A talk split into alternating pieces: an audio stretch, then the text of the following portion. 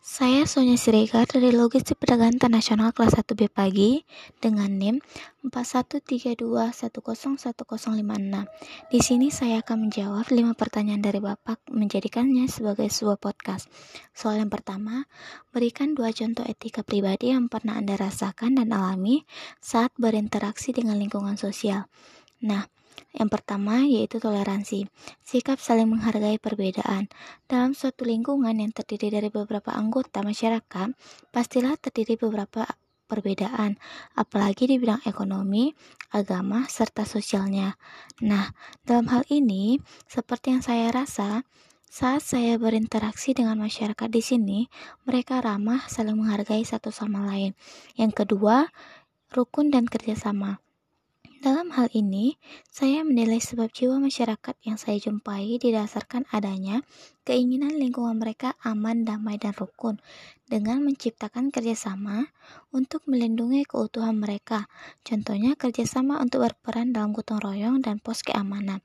Soal ke nomor dua, apa yang Anda pahami tentang pencitraan dalam praktek kepemimpinan demokrasi di Indonesia? Pencitraan merupakan hal yang penting bagi setiap orang sebagai makhluk sosial, apalagi bagi seorang pemimpin. Pencitraan merupakan sebuah usaha untuk menonjolkan sesuatu yang baik di mata publik, sehingga dapat mempengaruhi opini publik. Adapun tujuan dari pencitraan, yang pertama, memprediksikan hasil, yang kedua, menalar konsep abstrak, yang ketiga, mendeskripsikan sesuatu, yang keempat, mengingat dan hafal kembali meningkatkan kemampuan, yang kelima, memberi ide atau wawasan. Next nomor tiga, soalnya adalah hubungan timbal balik antara etika dengan pencitraan dalam praktek demokrasi. Hubungan timbal balik antara etika dan pencitraan dalam praktek demokrasi adalah suatu hal yang pasti.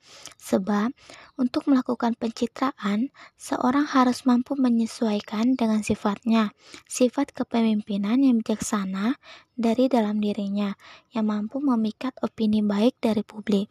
Lanjut soal nomor 4, mengapa fenomena tujuan pencitraan kerap menempel pada seorang pemimpin?